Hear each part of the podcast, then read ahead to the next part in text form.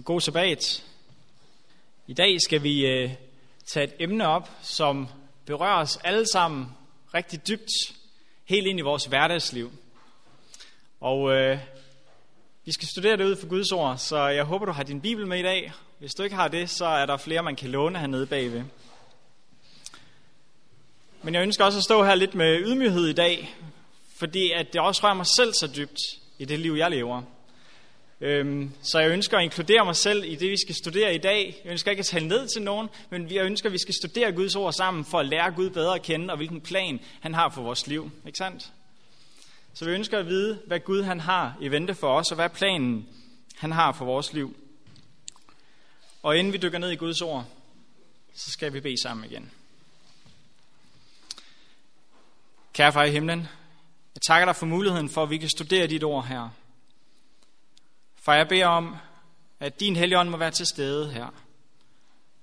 At du må tale til hver enkelt det, som vi har behov for at høre i dag fra dig. Du kender os, hver en. Du har omsorg for hver en af os. Du kender vores hjerte. Du ved, hvad vi har behov for i dag, far. For jeg beder om, at folk, der lytter med i dag, må høre dine ord talt til deres hjerte, fordi at du virker mægtigt i dag. For jeg beder om, at du må blive større, og jeg må blive mindre. Og jeg beder om, at jeg må kunne lede ud i dit ord i dag. Giv os en speciel velsignelse. Lær os at elske dig mere. I Jesu navn. Amen.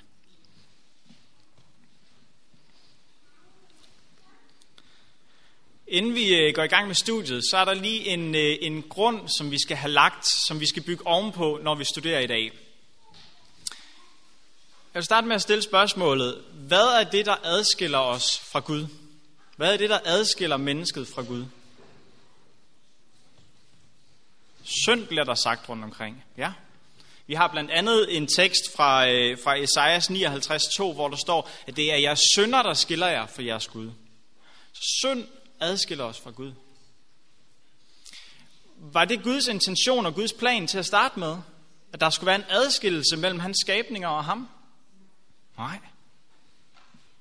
Det var ikke Guds plan til at starte med. Gud han skabte os i et perfekt paradis, hvor vi skulle være sammen med ham i et ret intimt, nært forhold for mennesket, hvor vi skulle være sammen med vores skaber. Synden kom ind i verden og skabte den her adskillelse. Og vi har i slutningen af Bibelen igen i åbenbaringen 21, hvor der er, vi igen har, at Bibelen fortæller om, at nu er Guds bolig hos menneskene, og han vil være blandt sit folk. Så vi har igen, at Gud han vil genskabe den her nære forbindelse sammen med os. Det var ikke Guds plan, at vi skulle være adskilt. Okay? Så synd adskiller os fra Gud, men det var ikke den originale plan.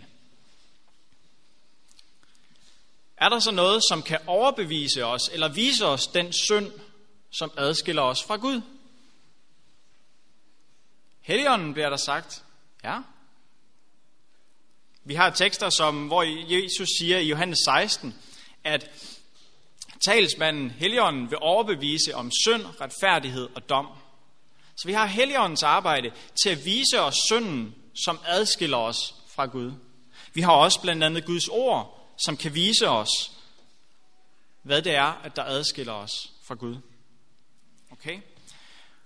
Og jeg tror, at Helligåndens arbejde er netop med det formål, at det kan vise os den adskillelse, der er mellem os og Gud, så vi kan give det til Jesus, så han kan fjerne den adskillelse, så vi igen kan være tæt forbundet og have et intimt folk, have et intimt forhold med vores Gud. Okay. Et andet spørgsmål, jeg kan starte med at stille her. Er fristelse og synd det samme eller synonymer? Fristelse og synd, er det det samme? Nej, bliver der sagt. Okay. Vi har blandt andet en tekst i Bibelen, der siger, at Jesus han blev fristet i alle ting, ligesom vi, dog uden synd. Ikke sandt? Så vi ved, at fristelse kan op, man kan blive fristet, men det er ikke nødvendigvis, at der hænger en synd bagpå. Er vi enige om det? Okay. Det er den grundvold, vi sådan skal bygge videre på, når vi har det sat på plads, at synd adskiller os fra Gud, blandt andet Helligånden og Guds ord, kan vise os den adskillelse, som vi har fra Gud der, for at vi kan give det til Jesus, og han kan genoprette den forbindelse, vi har med Gud. Og fristelse og synd er ikke det samme, og der hænger ikke nødvendigvis en synd på en fristelse. Lad os se mere på det i øh, Jakobsbrev Jakobsbrevet kapitel 1. Prøv at gå med mig til Jakobsbrevet kapitel 1. Jakobsbrevet kapitel 1. Der har vi, hvad jeg øh, kalder fristelsens proces. Der kan vi se, hvad der sker med fristelse og dens relation til synd. Og vi skal læse fra vers 13 af. Jakobsbrevet kapitel 1 og vers 13. Der står her, men ingen, som bliver fristet, må sige, at jeg bliver fristet af Gud, for Gud kan ikke fristes af det onde, og selv frister han ingen. Så vi ved, at fristelse kommer ikke fra Gud, men Gud tillader fristelse. Okay? Gud tillader, at vi bliver fristet, men fristelsen kommer ikke fra Gud. Der står her videre i vers 14, når man fristes, er det ens eget begær, der drager og lokker en. Når så begæret har undfanget, sætter det synd i verden, og når synden er vokset op, føder den død. Okay? Fik I den proces? Der står her, at når man bliver fristet, så er det ens eget begær, der drager og lokker en. Så i vers 15 står der, når så begæret har undfanget, så sætter det synd i verden, Sønnen vokser op, og den føder død. Okay? Så der er ligesom sådan en proces her. En, en jordmor vil også fortælle dig, at hvis der er sket en undfangelse, så vil der også være en fødsel. Det her, det er ligesom noget, der er uundgåeligt. Det er ligesom en proces. Det vil ske. Så hvis det er, at vi har teorien om, at man kan blive fristet, uden der hænger en synd på, hvor er det så, den fristelse skal slutte henne, for at det ikke for det ikke undfanger, og det sætter synd i verden, og synd vokser op og føder død. Hvor er det, der skal sættes ind her i den her proces? Okay. Der står, at når begæret har undfanget, så det vil altså sige, at det er før, at man begærer det, så det bliver undfanget. Okay? Så det vil sige, at hvis vi bliver fristet, så skal vi ikke dvæle ved det, vi skal ikke dyrke det, vi skal ikke bruge det, fordi at så er det, at så vil der ske den her undfangelse. Det sætter synd i verden, og synden vokser op, føder den død. Kan I se det? Martin Luther ville have sagt det på den her måde. Han sagde, at man kan ikke undgå, at der flyver fugle over dit hoved, men du kan undgå, at de bygger rede i dit hår. Vi kan ikke undgå, at vi bliver omgivet af ting, der kan friste. Men vi kan, men vi kan bestemme og afgøre, hvad vi skal gøre med den fristelse. Om vi skal dyrke den, om den skal blive til noget. Okay? I den her relation, så kunne jeg godt tænke mig, at vi ser på en anden tekst i Matteus evangeliet. I Matteus evangeliet, kapitel 18, der har vi nogle lidt alvorlige ord for Jesus egentlig. Men jeg synes, de er ret interessante i den her sammenhæng. Matteus evangeliet, kapitel 18.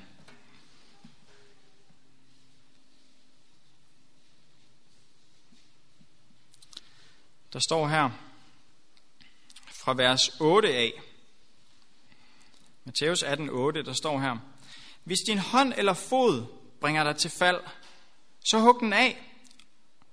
Øh, så hug den af og kast den fra dig, for du er bedre tjent med at gå lemlæstet eller vandføre ind til livet, end med begge hænder eller fødder i behold at kastes i den evige ild. Og hvis dit øje bringer dig til fald, så riv det ud og kast det fra dig, for du er bedre tjent med at gå ind til livet med et øje, end med begge øjne i behold at kastes i helvedes ild. Okay, Jesus han siger nogle ret markante ting her. Jeg tror ikke, at, at øh, Jesus har ment, at vi skal gå og kappe hænder og fødder af os. Hvad vil Jesus sige med det her billede? Hvad betyder det her? Er der noget galt med hånden? Der står her, at, man skal, at, at hånden skal hakkes af, hvis den bringer til fald. Er der noget galt med hånden? Der er ikke noget galt i hånden i sig selv. Vel? Det er ikke hånden, den er gal med. Men hånden bliver det medium, som får dig til at falde. Det er det, som bringer til fald. Det bliver det, som får dig til at falde. Kan I se det? Så det er ikke hånden i sig selv, der er noget galt med. Men det er den måde, hånden bliver brugt på. Det er handlingen. Det er, det, det er fordi, at det er den, der får dig til at falde. Det er den, der bringer dig til fald. Okay. Lad os prøve at se på nogle eksempler på det her i Bibelen. I relation til, hvordan at omvendelse har med at gøre, at vi skal afskære os for det, der bringer os til fald. Okay? Fordi de to ting hænger meget nøje sammen. At når vi omvender os til Gud, når det er, at vi omvender os til Gud og siger, Jesus, tag min synd, så genopretter han den tætte forbindelse, vi har med Gud. Fjerner den adskillelse, som vi har til Gud. Og der er det, at Jesus han siger til os, det som kan bringe jer til fald, det som kan bringe jer tilbage væk fra mig, afskærer jer fra det, som holder jer fra mig. Og det skal vi se på i nogle forskellige eksempler. Prøv at gå med mig til Josvas bog. Vi starter i det gamle testamente. Josvas bog, kapitel 24. Så vi har de fem Mosebøger, og så Josvas bog. Og det er helt til sidst i Josvas bog, kapitel 24. Der skal vi se et eksempel på, i relation til, at folket omvender sig til Gud, at der også er et klart budskab. afskærer jer fra det, der holder jer fra mig.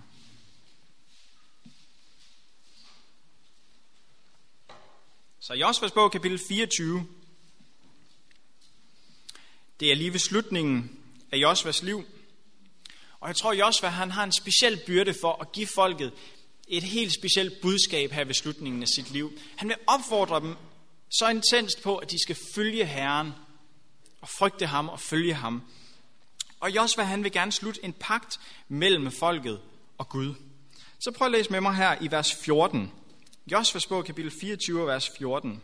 Der står her, Josva siger, Frygt nu Herren, og tjen ham i oprigtighed og trofasthed. Så Josva han opfordrer her folket, frygt Herren, tjen ham i oprigtighed og trofasthed. Han opfordrer folket til at vende om og frygte Herren og tjene ham. Hvad er det, han siger lige i relation til det? Lige bagefter. Fjern de guder, som jeres fædre dyrkede på den anden side af floden og i Ægypten, og dyrk Herren. Så i direkte relation til, at Josva han er en opfordrer folket til i oprigtighed og trofasthed at dyrke Herren, så siger han, fjern de andre guder. Fjern de andre afguder. Folket siger så til Josva, vi vil gerne tjene Herren. Og Josva siger til dem, I er slet ikke i stand til at tjene Herren, fordi han er en hellig Gud. Og vi tager videre her i vers 21. Folket sagde til Josva, nej, Herren vil vi dyrke. De tager en beslutning om, Herren vil vi dyrke. Da sagde Josva til folket i vers 22, I er vidner imod jer selv på, at det er Herren, I har valgt at dyrke. De svarede ja. Så de laver en pagt her med Gud og siger, ja, det er Herren, vi vil dyrke. Hvad er det også, hvad han siger igen i relation til den her omvendelse, og de vælger, at de vil dyrke Herren? Han siger, så sagde han, fjern så de fremmede guder, I har hos jer, og vend jeres hjerte til Herren, Israels Gud. Så igen i forbindelse med, kan I se det, at i forbindelse med, at Israels folk skulle skabe den her pagt og sige, ja, vi vil tjene Herren, så siger Josva to gange, så afskærer jeg fra de andre guder. Afskærer jeg fra dem, fordi I har valgt at tjene Herren. Der findes mange eksempler på de her ting, på de her slags beretninger, hvis du skriver noter til, så, så kan jeg øh, sige en anden beretning her i 2. Mosebog 32. Der har vi historien om guldkalven. Vi skal ikke læse den nu. Men Moses kommer ned og har fået de her stentavler af Gud. Og på vej ned kan han se, at de tilbyder den her guldkalv. Og Josef, eller Moses smadrer de her stentavler. Og det første Moses han gør, når han kommer ned fra bjerget, det er ikke at i rette sætte folket. Det er ikke at gå til, til Aaron og sige, hvad er det, du har lavet? Det første Moses gør, det er, at han går ned, og han brænder, og han smadrer den her guldkalv. Det første Moses han gør, det er, at han fjerner den afgud. Han fjerner det, som har skabt separationen, som har taget fokus fra Gud, som har ødelagt deres forhold til Gud. Han går ned og fjerner det, og så går han i gang med at irettesætte folket. Jeg synes, det er meget interessant, at det er det første Moses han gør, det er, at han fjerner den ting, som adskilte dem fra Gud. Han fjernede deres afgud. Vi kan lige hurtigt slå op her til 5. Mosebog 7, lidt til venstre i Bibelen. 5. Mosebog kapitel 7. Fordi israelitterne kom ud for nogle lignende ting flere gange. Israelitterne, de blev bedt flere gange om, at de skulle indtage nogle landområder, de skulle indtage nogle steder. Og der er en ting, som går igen i stort set alle de beretninger, hvor, Je, hvor at Gud beder dem om at indtage et sted. Og vi kan læse et af eksemplerne her i 5. Mosebog 7, fra vers 5 af, hvor det er, at Gud han siger, hvad de skal gøre, hvad Israels folk skal gøre, når de kommer ind i et land. Prøv at se her, hvad der står i 5. Mosebog, kapitel 7, og fra vers 5. Der står, nej, sådan skal I gøre med dem. Deres aldre skal I rive ned, deres stenstøtter skal I knuse, deres asherpæle skal I hugge om, deres gudbilleder skal I brænde. For du er et helligt folk for Herren din Gud. Dig har Herren din Gud udvalgt af alle folk på jorden som sit ejendomsfolk. Så de får den her beskrivelse, det er de bare et af eksemplerne på, at når at israelitterne kom ind til et nyt sted, så skulle de fjerne deres aldre, de skulle rive dem ned, de skulle knuse deres stenstøtter, de skulle øh, brænde deres asherpæle og hugge deres gudbilleder om, osv. Se det. Hvorfor var det så vigtigt? Israel, de tjente jo Gud i himlen. Er det ikke nok, at de bare øh, tjente deres Gud i himlen? De var ligeglade med de her offeraldre. De var ligeglade med de her tilbedelsesstøtter og asherpælene. Kunne de ikke bare tjene Herren? Hvorfor er det, at Gud han er så interesseret i, at de skulle fjerne alle deres afgudsbilleder og alle deres tilbedelsessteder og ofre, offersteder? Jeg tror, Gud han ville beskytte det nære forhold, han havde til sit folk. Han ville beskytte dem og sige, fjern alt det, som kan skabe separation mellem dig og mig. Gud han ønskede en tæt forbindelse til hans folk, så han sagde, udryd alt det, som har med afgud at gøre. Udryd alt det, som kan skabe adskillelse mellem dig og mig. Et andet eksempel, så, som vi kan læse i 2. kongebog 23, vi skal heller ikke læse den nu, det er en historie om Josias, der får lovbogen oplæst. Og Josias, han kommer til at se, ah, vi har, vi har ikke fuldt Gud her. Vi har ikke fuldt Gud, som vi skulle. Og Josias, han bestemmer sig for at skabe reform i landet. Josias, han vil gerne skabe en reform og sige, nu skal vi omvende os som folk til Herren. Og det første Josias, han gør, det er, at han siger, at nu skal vi omvende os. Så siger han, vi skal udrydde offerhøje, vi skal afsætte afgudspræster, vi skal brænde af shirepæle. Så noget af det første i Josias' reform er at afskaffe, afskaffe og afskære folket for de ting, som før holdt dem fra Gud. Så folket ikke lige så nemt kunne gå tilbage til de ting. De afskærer sig for det, som kunne bringe dem til fald igen. Vi har også næsten lige studeret lektien om Jeremias, hvor der vi har gennemgået alle de her kapitler i Jeremias' bog. Og jeg ved ikke, om du har lagt mærke til det, men igen og igen og igen, så kommer opfordringen fra Jeremias, fjern jeres afguder.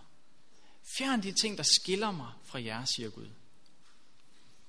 Synden som, ind, synden, som adskiller os fra hinanden. Afskaf den. Afskær jer fra den.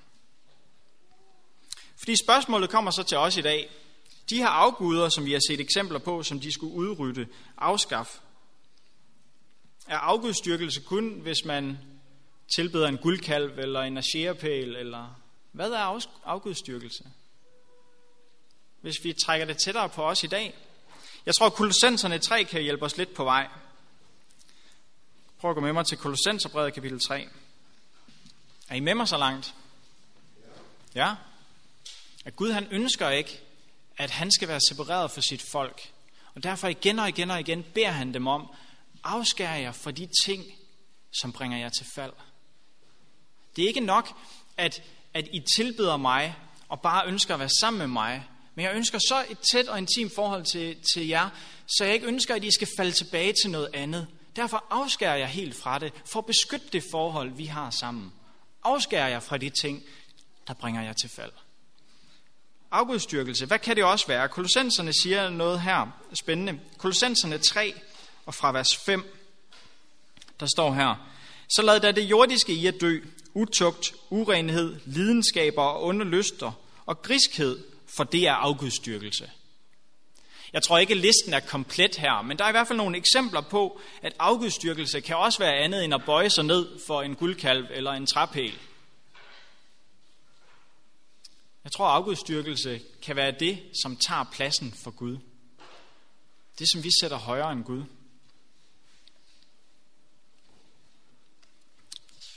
Hvad det er i dit liv, det ved jeg heller ikke, og det er ikke min opgave at finde ud af. Men jeg beder Gud om, som vi så i starten, at Helligåndens opgave er blandt andet at vise os de ting, som adskiller os fra vores Gud, så vi kan give dem til Jesus, og han kan genoprette den nære forbindelse, fordi han har lovet at bære den skyld. Men Gud siger, beskyt det forhold, vi har sammen, ved at afskære jer fra de ting, I ved, der bringer jer til fald. Vi har en, meget, en anden meget interessant beretning, synes jeg, i Apostlenes Gerninger. En nytestamentlig beretning, der siger noget af det samme. Prøv at gå med mig til Apostlenes Gerninger, kapitel 19.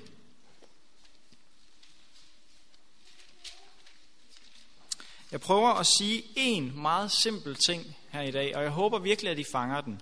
At Guds ord siger til os igen og igen og igen, afskær jer fra de ting, som holder jer i synd, som holder jer, som kan bringe jer til fald. Afskær jer fra de ting, fordi jeg ønsker et tæt, intimt forhold med jer.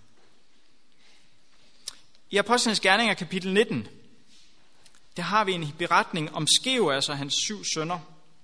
Og du kan læse beretningen, når du kommer hjem, men jeg synes, det er interessant, at i den her beretning, der ender det med, at folket frygt, begynder, bliver grebet af frygt for Herren, og Jesu navn bliver lovprist. Det kan vi læse om, at øh, det sker i vers 17. Det rygtes blandt alle, der boede i Efesos, både jøder og grækere, så alle blev grebet af frygt, og Herren Jesu navn blev lovprist. Her er der altså en omvendelse, der finder sted, at Herren Jesu navn bliver lovprist, og folk omvender sig til Gud. Så prøv at lægge mærke til, hvad der er første skridt i omvendelsen. Når folk de bliver grebet af frygt for Gud, når de omvender sig. I vers 18. Mange af de troende kom og bekendte og fortalte, hvad de havde gjort. Det første skridt i omvendelsen, at vi bekender vores synd for Gud. De ting, som det er, vi ved nu, har adskilt os fra Gud, som vi nu er blevet overbevist om, som Helligånden har gjort et arbejde i os og overbevist os om, det kan vi bekende, gå til Jesus med det, og han vil tage det væk. Han har lovet, at han vil tage det væk. Men efter at Helligånden har gjort et stort arbejde i dem, og overbevist dem om synd, og de har bekendt det for Gud, hvad er det så, der sker i vers 19? En del af dem, der havde haft med trolddom at gøre, bragte deres bøger med og brændte dem i alles påsyn. Man regnede den samlede værdi ud og kom til 50.000 sølvpenge. Således fik ordet ved Herrens kraft stadig fremgang og styrke. Kan I se det? Så der sker en omvendelse her. Der finder en omvendelse sted. Folk de bekender deres synd og går til Gud med den. Og Helligånden arbejder mægtigt i de her mennesker, i den her menneskemængde. Og fortæller dem. Og resultatet er, at de går hjem og tjekker deres hjem og siger, hov, vi har nogle ting i vores hus, eller vi har nogle ting i vores omgangskreds, som ikke hører Gud til. Som kan gå ind og tage pladsen for den plads, som Gud nu har fået. Så i forbindelse med omvendelse, at de bekender deres synder, så her sker der også, at de afskærer sig fra de ting, som før holdt dem væk fra Gud. Kan I se det? De tager deres ejendele, som der er, der har holdt dem væk fra Gud, som havde med trolddom at gøre, de brænder dem. Jeg tror, Guds ord siger klart og tydeligt her til os igen. Afskærer jer fra det, der holder jer fra mig. Og jeg taler også til mig selv her, at vi må være ærlige omkring os selv og se, er der nogle ting, som vi omgås med? Er der nogle ting i vores liv, som vi ved, der holder os fra Gud? Fordi af Guds ord, tror jeg, taler meget stærkt til os, at når vi omvender os til ham og ønsker den nære forbindelse, så siger Bibelen til os, afskær jer for det, som kan afbryde den forbindelse.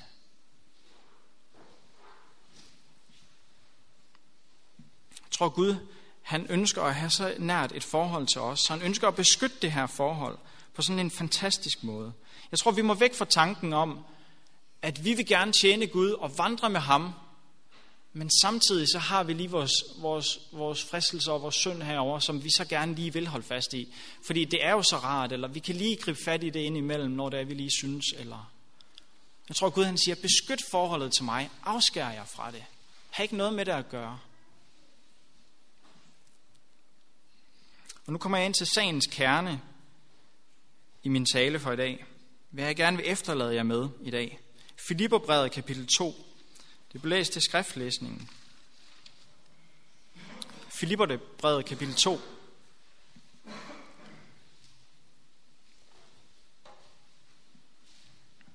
For hvad er det, som driver det her værk?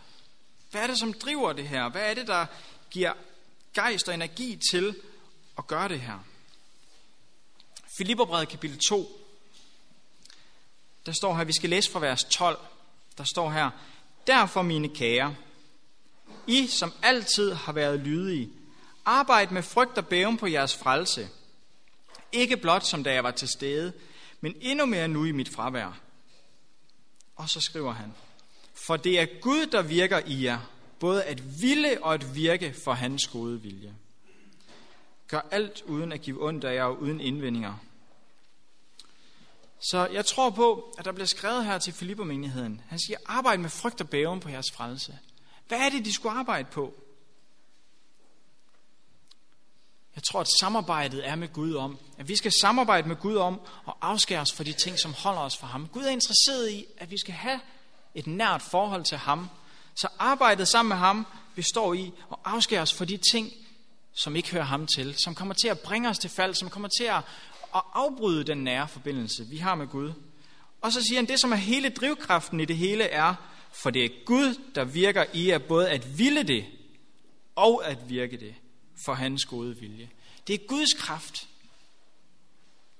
der skal drive værket. Vi kan altid gå til Gud med det. Det er Guds kraft, kraft, der skal drive det her værk. Og så skriver han her i vers 14, Gør alt uden at give ondt af jer og uden indvendinger, så I kan være uangribelige og uden svig, Guds lydfrie børn midt i en forkvaklet og forvildet slægt, hvor I stråler som himmellys i verden. En fantastisk tekst. Et fantastisk løfte. Gud siger til os her, at jeg vil gøre jer i stand til. Jeg vil give jer kraft til både at ville og at virke det her, så I kan være uangribelige og uden svig, midt i en forvildet og forkvaklet slægt. Men jeg tror, vi lever i en verden, der er en forvildet og forkvaklet slægt. Vi lever i en verden fuld af fristelser og synd. Men Gud lover os her, at han vil give os kraften til at ville og at virke det, så vi kan blive Guds lydfri børn midt i den her forvildede og forkvaklede slægt. Og det er hovedtemaet, jeg gerne vil, at vi skal have med os fra i dag. At Guds ord siger til os, jeg ønsker det her nære forhold med dig. Afskærer jer for det, som kan holde jer fra mig, så at I kan blive Guds lydfrie børn midt i den her forkvaklede slægt. Og jeg vil give jer kraften til det. I skal ikke selv kæmpe. Jeg vil give jer kraften til det. Han ser på en anden fantastisk tekst, der siger noget om det samme i Titusbrev. I Titusbrev, vi skal lidt til højre i vores Bibel. I Titusbrevet kapitel 2. Det er Helligåndens værk, der overbeviser os om synd. Og det er Gud, der giver os kraften til at kunne leve som hans lydfrie børn. Det er fantastisk.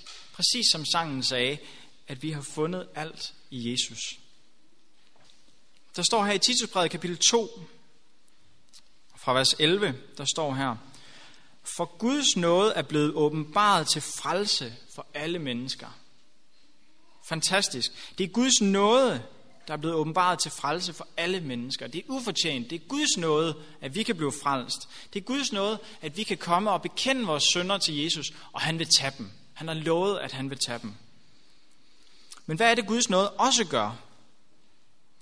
Der står, og opdrager os til at sige nej til ugudelighed og værtslige lyster, og leve besindigt og retskaffent og gudsfrygtigt i denne verden, mens vi venter på, vort salige håb skal opfyldes, og vores store Gud og frelser, Jesus Kristus, komme til syne i herlighed. Men kan I se, hvad der rigtig står her? Så det er Guds nåde, der gør, at vi kan blive frelst. Og det er lige så ufortjent, og lige så ufortjent med Guds nåde, at den opdrager os til hvad?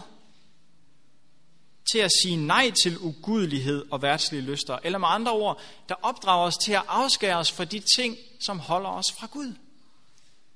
Sig nej til de ting, som holder os fra Gud. så vi kan leve besindigt og renskaffen og Guds frygtigt i denne verden. Læg mærke til, hvad Bibelen lover os her. Mens vi venter på vores salige håb, at Jesus snart kommer igen. Hvilket fantastisk løfte vi har omkring det her. Guds ord siger igen klart og tydeligt til os, at det vil opdrage os til at afskære os for de ting, som holder os fra Gud. Afskære os for de ting, der bringer os til fald. Når vi ser på Jesus i blandt andet Matthæus 4, hvordan at han modsvarede fristelse. Han modsvarede det med Guds ord. Han sagde djævlen imod med Guds ord. Jeg tror, at Jesus, at det var fordi, at han vidste, at der var kraft i Guds ord. Han vidste, at sandheden skal gøre jer frie. Vi har også en anden tekst, i, øh, vi skal ikke læse den nu, i salme 119, hvor der er spørgsmålet bliver stillet, hvordan holder den unge sin sti ren? Og svaret er, ved at følge dine ord. Sandheden, Guds ord. Jesus brugte Guds ord til at svare imod fristelsen og modstå fristelsen. Der er kraft i Guds ord. Vi må studere Guds ord. I Guds ord er der kraft. Sandheden skal gøre jer frie, sagde Jesus. Gud ønsker at sætte os fri. Gud ønsker at sætte os fri. Lad os prøve at læse den tekst, hvor det er, Jesus han siger de her ting om, at sandheden skal gøres frie, og hvad sandheden er. Det finder vi i Johannes 8. Johannes evangeliet, kapitel 8. Og vi kan stille os selv spørgsmålet, når vi får at vide, at sandheden skal gøres frie. Hvornår er vi fri? Hvad vil det sige at være fri? Hvis jeg står her og har mulighed for at gå ud af A, og har mulighed for at vælge B, men jeg får at vide, at jeg må ikke vælge B. Jeg kan kun vælge A. Er jeg så fri? Hmm. Så frihed har noget med valg at gøre. Frihed til at vælge. Så hvis jeg ved, at jeg kun kan vælge A, så er jeg jo ikke fri til at vælge B. Prøv at have det med i tanke, når det er, at Jesus snakker med jøderne her i Johannes 8 og vers 31. Fordi hvornår er vi egentlig fri, som Jesus lover os? Johannes evangeliet kapitel 8 og fra vers 31. Jesus sagde nu til de jøder, som er kommet til tro på ham. Det er folk, der er kommet til tro på ham her. Hvis I bliver i mit ord, er I sandelig mine disciple, og I skal lære sandheden at kende, og sandheden skal gøre jer frie. Så her der har vi igen, sandheden skal gøres fri. Jesus vidste, at der var kraft i Guds ord, der var kraft. Sandheden skulle gøres fri. Men så svarede de ham, de svarede ham, vi er Abrahams efterkommere, og har aldrig trællet for nogen. Hvordan kan du så sige, I skal blive fri? Læg så mærke til, hvad Jesus siger. Jesus svarede dem, sandelig, sandelig siger jeg jer, enhver som gør synden, er syndens træl. Hvis man er træl af nogen, er man så fri?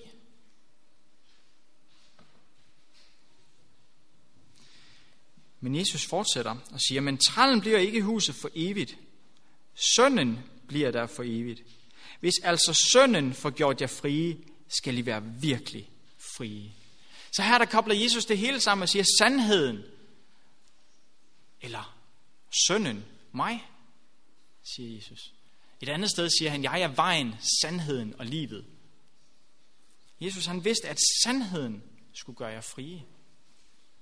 Men vi er først frie, når vi kan tage et valg, når vi kan vælge. Jesus ønsker at sætte os i en situation, så vi ikke er træl, som der står. En hver, som gør synden, er syndens træl. Han gør, at vi skal kunne vælge, at vi skal være frie. Han ønsker at sætte os fri. Men jeg tror, det kræver et samarbejde sammen med Gud, for at Gud kan sætte os i stand til de her ting. Hvis det er, vi siger til Jesus, jeg ønsker at være fri, jeg ønsker at leve sammen med dig, jeg ønsker ikke at være træl, men jeg vil stadigvæk gerne beholde de her ting i mit hjem. Jeg vil stadigvæk gerne holde fast i de her ting, som er så dejligt, eller som er så godt, som jeg kan trække frem ind imellem. Jesus han siger, jeg ønsker at sætte jer fri. For hvis sønnen sætter jer fri, skal I være virkelig frie. Og vi har lidt det samme billede af, at Jesus ønsker at sætte os fri og forvandle vores liv. Det er Jesus, der ønsker at forvandle vores liv. I 2. Korintherbrev kapitel 3. 2. Korintherbrev kapitel 3.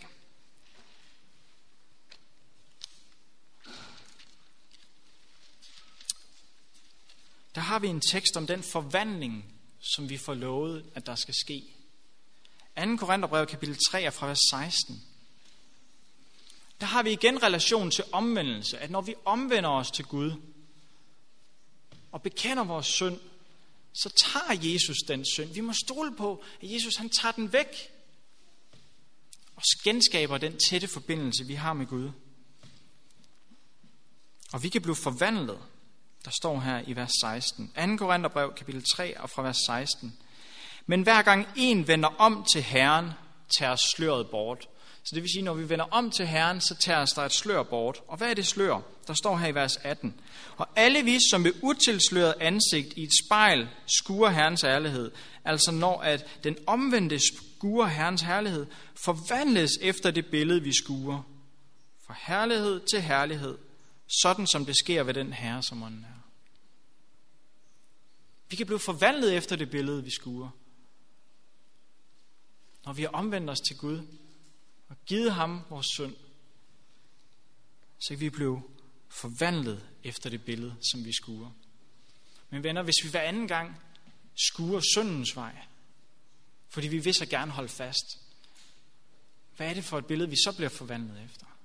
Jesus han ønsker den her tætte relation, at vi skal vælge ham hele tiden og blive forvandlet efter det billede, vi skuer.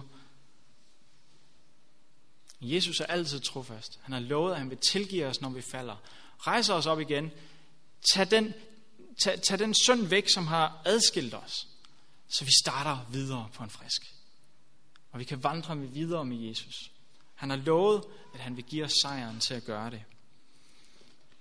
Men du siger måske, Lasse, er der så ikke mange ting, vi skal... Du, du prædiker jo, at vi skal lægge ting fra os. At der er ting, vi skal afskære os fra. Men hvad, hvad, der, der er ting, jeg godt kan lide, som jeg måske ved, der er forkert. Det er en sag mellem dig og Gud. Jeg opfordrer dig til at bede Gud om at vise dig, hvad det er, der er bedst for dig. Og have et tæt sammenhold med ham. Og jeg har taget et citat med fra Vejen til et bedre liv. Et fantastisk citat, som, som jeg holder så meget af, der står der. Det er cremen på kagen, jeg har taget med her. Der står her. Læg mærke til, hvad hun skriver. Det bliver aldrig krævet af os, at vi skal bringe et virkeligt offer for Gud. Lad lige den synge ind igen. Det bliver aldrig krævet af os, at vi skal bringe et virkeligt offer for Gud. Hun siger videre, der er mange ting, han beder os om at give afkald på. Men når vi gør det, siger vi blot farvel til noget, som vil hindre os i at nå himlen. Så når det er, vi tænker, at der er ting, vi skal give afkald på, ting, som vi skal afskære os fra, så er det for at have den tætte forbindelse med Jesus. Det er for, at vi kan nå himlen. Og at vi afskærer os bare for ting, som vil holde os fra at nå himlen. Og hun siger videre, selv når vi bliver opfordret til at give slip på noget, som er godt, kan vi være overbevist om, at Gud vil give os noget, som er endnu bedre. Og det er derfor, hun siger til at starte med, det, det bliver aldrig krævet af os at bringe et virkeligt offer for Gud. Fordi når vi bringer det her offer for Gud, når vi afskærer os for ting, som holder os fra Gud, så er det for, at Gud han kan give os noget, der er endnu bedre. Han kan give os en evighed og velsigne os endnu mere. Venner, vi må ikke gå med nedbøjet hoved og tænke, åh, der er så også, der er så mange ting, Gud han kræver af mig. Gud han ønsker det bedste for os. Det er en løgn helt tilbage fra Edens have, at Gud holder noget godt væk fra os. Gud ønsker at velsigne os. Han ønsker det bedste for os. Det er satans løgn, der siger, at Gud holder noget godt tilbage for jer. Det er for, at han vil give os noget, der er endnu bedre. Jeg vil slutte af med to løfter fra Bibelen, som kan hjælpe os på den her vandring med at afskære os for det, der holder os for Gud. Hebræerbrevet kapitel 4. Jeg var inde på det lidt til at starte med. Hebræerbrevet kapitel 4 er en fantastisk tekst. Venner, vi må tro på det her. Vi må tro på de løfter, Bibelen kommer med. Vi må ikke rende rundt og tænke, at det kan jo ikke lade sig gøre, eller jeg ser det ikke i mit liv, så derfor så kan det ikke lade sig gøre. Vi må tage Gud på løfterne. Han har lovet, at det er ham, der vil virke i os. Og det er hans nåde, som opdrager os. Det er ufortjent. Vi kan ikke gøre noget for at fortjene det. Men han vil gøre det. Der står i Hebræerne 4 og fra vers 15. For vi har ikke en ypperste præst, der ikke kan have medfølelse med vores skrøbeligheder. Og så står der her, men en, som er blevet fristet i alle ting, ligesom vi, dog uden synd. Vi har Jesus, vores perfekte forbillede, som levede et liv her og blev fristet i alle ting, ligesom vi, dog uden synd. Og så står der på baggrund af det, lad os altså med frimodighed træde frem for nådens trone, for at vi kan få barmhjertighed og finde noget til hjælp i rette tid. Hvilket fantastisk løfte. At vi kan finde at vi kan træde frem for nådens trone. Vi har et levende evangelium. Vi har ikke kun en Jesus, der gjorde noget for os 2000 år tilbage i historien. Men Jesus han gør en tjeneste for os i den himmelske helligdom lige nu og her. Og vi kan træde frem for nådens trone for en levende Gud, for at få barmhjertighed og finde noget til hjælp i rette tid. Jeg tror på, at rette tid er nu. Rette tid er nu til, at vi giver vores liv til Jesus og siger, jeg har brug for hjælp i den her tid. Jeg har brug for din nåde og din hjælp til at opdrage mig til at sige nej til de ting, som holder mig fra dig, så jeg kan leve i et tæt forbindelse sammen med dig. Vi bliver lovet, at vi kan træde frem for nådens trone. Vores valg er i dag. Vi må vælge i dag. Og følge Gud fuldt og helt. Der hvor han leder os hen. Det sidste vers, jeg vil dele med dig, det er i 1. Korintherbrev. 1. Korintherbrev, kapitel 10.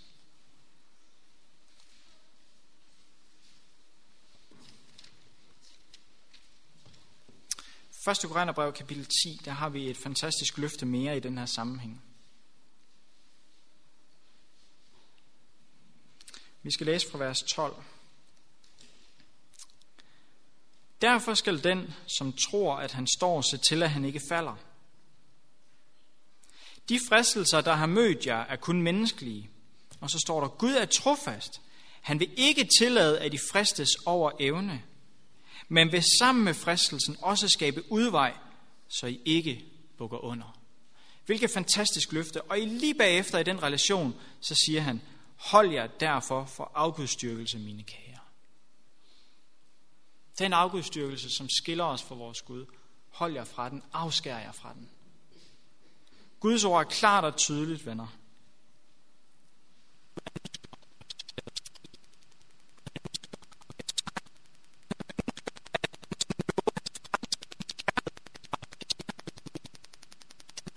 Gud han ønsker, at vi skal leve som Guds lydfrie børn midt i en forvildet og forkvaklet slægt, så vi kan være lys i den her verden.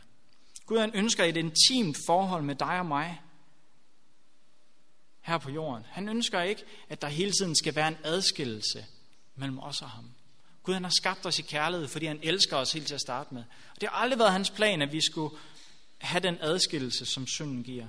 Og Gud ønsker at genoprette den helt til sidst. Men Gud han lover, at vi kan tage forsmag på det her. At vi kan leve i et tæt forhold sammen med Gud, nu og her i denne verden. Vi må tro på Guds ord. Jeg håber, at du også har set ud for Bibelen i dag, at Bibelen lover os sejr. At Guds kraft vil forvandle os. Og at ved Guds kraft, at vi kan afskære de ting, som holder os fra ham. Hvad det er i dit liv, det er en sag mellem dig og Gud. Jeg beder for i mit liv, at Gud må vise mig de ting, som adskiller mig fra ham.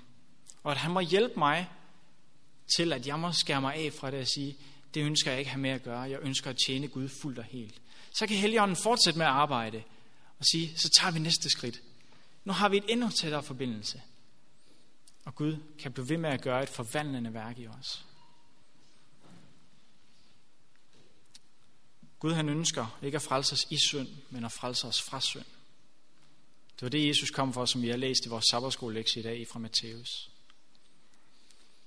Guds løfter er stærke til os i dag.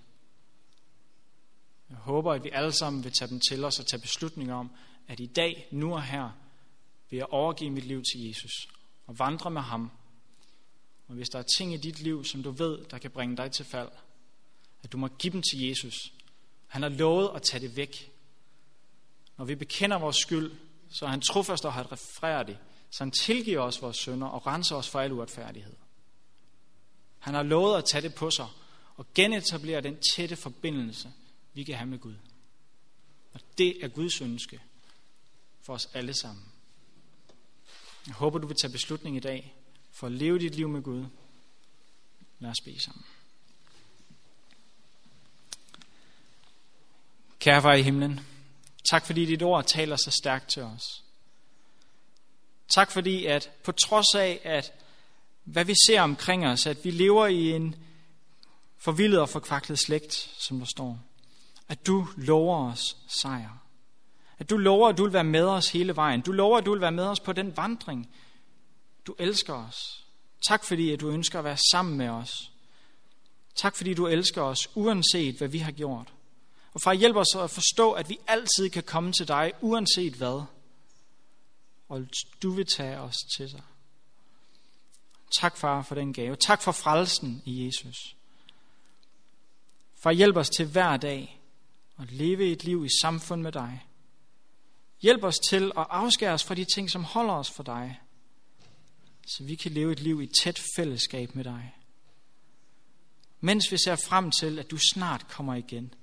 For tak fordi, at du snart kommer igen og henter os. Så vi skal leve et liv tæt på dig, som det var planen helt fra start af. Det takker vi og priser dig for, og beder om, at du altid må være med os. I Jesu navn. Amen.